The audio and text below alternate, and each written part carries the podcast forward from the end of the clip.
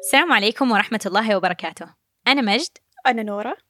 وإحنا طالبات دكتوراه سعوديات في قسم العلوم الطبية في جامعة أكسفورد. نقدم برنامج صوديوم اللي نناقش فيه مواضيع علمية شيقة تلامس صحة الفرد والمجتمع. اليوم نبغى نتكلم عن اللقاحات خصوصا اللقاحات اللي بتتسوى ضد فيروس سارس كورونا 2 اللي يسبب مرض كوفيد 19 بس أول شيء أبغى أحكي قصة. في أواخر القرن الثمانية عشر كان مرض الجدري أو ال smallpox منتشر في أماكن كثيرة في العالم وكان مرض عانت منه البشرية لقرون من أيام الفراعنة ويمكن حتى أكثر. كان الجدري يقتل 30% من اللي يجيهم واللي يعيشوا كانت عندهم آثار الجروح منه في وجههم وبقية جسمهم. لكن كان معروف بشكل عام إنه حلابات البقر ما كان يجيهم الجدري أبدا بعد ما أصيبوا بجدري البقر اللي كان أخف بكثير من الجدري العادي وبس يأثر على الذراع. لما لاحظ هذا الشيء دكتور بريطاني اسمه إدوارد جينر شاف فرصة للقضاء على مرض الجدري اللي كان يسمى بآفة الإنسانية. إيش سوى؟ أخذ المادة اللي في البثرات في جلد حلابة مصابة بجدري البقر وحقنها في ولد عمره تسع سنين كان ولد مزارعه. بعد كم شهر حقن نفس الولد بالجدري وما صار شيء للولد. من هنا بدأت رحلة إدوارد جينر لنشر لقاح الجدري حول العالم. وسع التجربة للناس أكثر وكانت تجربته ناجحة مع التحفظ طبعا على أسلوبه في التجربة لأنه كان يحقن المساجين والأيتام لكن كانت نتائجه مشجعة جدا. فنشرها في عام 1800 تقريبا ومن هنا انتشر استعمال اللقاح إلى ما تم القضاء على الجدري تماما في عام 1976 ما كان إدوارد جينر أول واحد يعرف أنه جدري البقر يحمي من الجدري ولا كان أول واحد يحقن الناس بجدري البقر عشان يحميهم من الجدري. لكنه كان أول واحد يبحث في الموضوع بطريقة علمية والفضل له بعد الله في انتشار التطعيمات في زمننا. اليوم إحنا في بحث مكثف عن تطعيم لمرض ثاني فقدنا بسببه مئات الآلاف. كوفيد 19 وواحد من التطعيمات اللي نتائجها مشجعة بيشتغل عليه فريق من جامعة أكسفورد في مبنى اسمه معهد جنر. طب كيف التطعيم يشتغل؟ إيش أنواع اللقاحات المختلفة اللي موجودة واللي تحت التطوير لكوفيد 19 وإيش ميزات كل نوع؟ وأخيرا ليش تطوير التطعيم يأخذ وقت مرة طويل لدرجة أنه عادة يستغرق سنوات؟ وحتى في هذه الحالة حيأخذ على الأقل سنة أو سنة ونص. هذه الأسئلة اللي نبغى نجاوب عليها اليوم. قبل لا ندخل في اللقاحات وأنواعها خلونا نحكي شوي عن الجهاز المناعي. سبحان الله هو شغال طول الوقت. حتى وإحنا نايمين يحمينا من أشياء كثير ممكن ما نعرف أنه تعرضنا لها. بالمختصر جهازنا المناعي ينقسم إلى قسمين على حسب الحماية فيه.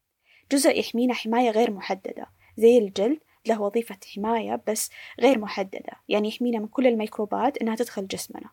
طيب لو لا سمح الله دخل ميكروب جوا جسمنا يعني اخترق الجلد. في جزء ثاني من الجهاز المناعي اللي يحمي برضو حماية غير محددة اللي هو جيش من الخلايا الدم البيضاء. أنا أسميه جيش لأنهم خلايا مرة كثيرة وقاعدة تدافع فأنا قاعدة أسميه جيش. طيب هي بتحاول تقتل الميكروب تتعامل مع كل الميكروبات والأجسام الغريبة اللي تدخل جسمنا تقريبا بنفس الطريقة يعني حماية غير محددة ما يهم إيش هو الميكروب. بس في جزء ثاني من الجهاز المناعي يحمي حماية محددة. كيف كذا؟ في بعض من خلايا الدم البيضاء تدرس الميكروب وتشوف شكله وتنتج أجسام مضادة له بالذات وهذه الأجسام تقضي على الميكروب تحديدا. ومو بس كذا هذه الخلايا تحفظ شكل الميكروب بحيث أنه لو تعرضنا لنفس الميكروب مرة ثانية بيكون إنتاج الأجسام المضادة له أسرع وكذا يصير عندنا مناعة يعني ما نتعب زي المرة الأولى ضد الميكروب. ممكن تدوم المناعة هذه لمدى الحياة. اللقاحات تعمل على نفس المبدأ يعني لو إحنا نعطي جسمنا الفيروس بس بطريقة مضعفة أو أي جزء من الفيروس الجهاز المناعي بيدرسه ويتعرف عليه وينتج أجسام مضادة له وكذا يصير عندنا مناعة من دون ما يكون أي أعراض مرضية. طيب دحين عشان نفهم كيف اللقاحات تشتغل يبغى لنا في البداية ناخذ فكرة عن تكوين الفيروس. بشكل عام أي فيروس لازم يكون مكون من عنصرين أساسيين. واحد المادة الوراثية اللي فيها التعليمات لإنتاج فيروس جديد. واثنين هيكل بروتيني يحوط ويحمي المادة الوراثية. بعض الفيروسات زي فيروس كوفيد 19 عندهم كمان غلاف دهني حول الهيكل البروتيني. والغلاف الدهني عادة يكون عليه جزيئات بروتين مختلفة زي ما فيروس كورونا عنده بروتين المسمار على الغلاف الدهني وهذا البروتين هو اللي يعطيه القدرة على اقتحام الخلايا والتسبب في المرض. يعني عندنا المادة الوراثية جوة الفيروس وعندنا هيكل بروتيني يحوط المادة الوراثية وممكن يكون في كمان غلاف دهني حول الهيكل عليه جزيئات بروتين. تطوير اللقاح يكون باستخدام جزء من أجزاء الفيروس هذه وفي تسعة أنواع مختلفة من اللقاحات على حسب الجزء المستخدم من الفيروس. هل بيستخدموا العنصر البروتيني؟ هذا لقاح. هل بيستخدموا عنصر المادة الوراثية؟ هذا لقاح مختلف. وهكذا. بالنسبة لكوفيد 19 في أكثر من 90 مختبر حول العالم بيطوروا لقاح ضده باستعمال هذه الطرق التسعة. أول طريقة أنهم يأخذوا الفيروس كله ويستخدموه كلقاح. ممكن تسأل وش الفائدة أنه نحمي من الفيروس بأن نحقن الشخص فيه؟ بس في اللقاح ما بيكون الفيروس خطر لأنه يضعفوه أو يعطلوه. كيف يضعفوه؟ يمررونه بخلايا إنسانية أو حيوانية بحيث أنه الفيروس يصير فيه طفرات وراثية وتخليه ما يسبب المرض. وممكن يعطلوه بأنه يعرضوه لدرجة حرارة أو مواد كيميائية فبيصير ما يتكاثر في الخلايا وما بيكون خطر على جسمنا لكن ما زال يحفز الجهاز المناعي. في لقاحات أنتجت بهذه الطريقة زي لقاح الحصبة وشلل الأطفال. لكن قد يحتاج تطوير هذا النوع من اللقاح لكمية كبيرة من الفيروس المعطل. في نوع ثاني من اللقاحات اسمه الناقل الفيروسي. هنا برضو إحنا بندخل فيروس جوا الجسم بس ما هو الفيروس نفسه اللي نبغى نحمي منه؟ لا نستعمل فيروس مهندس في اللاب إنه يشيل بعض جينات الفيروس اللي نبغى نحمي منه بدون ما يسبب مرض. فيدخل الخلايا وممكن ينقسم فيها وممكن ما ينقسم كل طريقة لها ميزاتها. بس المهم إنه ينتج بعض المكونات المهمة للفيروس اللي نبغى نحمي منه. فالجهاز المناعي يلاقي هذه المكونات ويتعرف عليها ويكون مناعة ضدها بدون ما نضطر نحقن الفيروس الخطير نفسه. مثلا لقاح فيروس الإيبولا طوروه بهذه الطريقة واستعملوا فيروس ينقسم في الخلايا. المشكلة في النواقل الفيروسية إنه إذا كان الشخص عنده مناعة ضد الناقل الفيروسي ممكن هذا يقلل فعالية اللقاح ضد الفيروس اللي أصلا نبغى نطعم ضده. في طريقة لإنتاج اللقاح من عنصر البروتين في الفيروس. 28 مختبر بيشتغلوا على إنتاج اللقاح بهذه الطريقة وهم بيركزوا على بروتين المسمار الموجود في الفيروس المسبب لكوفيد 19 اللي بيعطي الفيروس قدرته على اقتحام الخلايا. ممكن كمان بدل ما يحقنوا بروتين المسمار لحالة يحقنوا الهيكل البروتيني حق الفيروس بكبره بس بدون المادة الوراثية. يعني ينتجوا جسيمات شبيهة بالفيروس كلقاح بدون ما يكون فيه خطر على أنها تتكاثر وتسبب المرض لأنه ما عنده المادة الوراثية. بس المشكلة في هذا النوع أنه تصنيعه صعب. صح مشكلة اللقاح اللي يعتمد على العنصر البروتيني إنه تصنيعه صعب. ففي نوع ثاني يستعمل عنصر المادة الوراثية للفيروس بدال عنصر البروتين. المادة الوراثية يا إما تكون DNA أو تكون RNA والفرق بينهم بسيط ما نحتاج نشرحه في هذه الحلقة.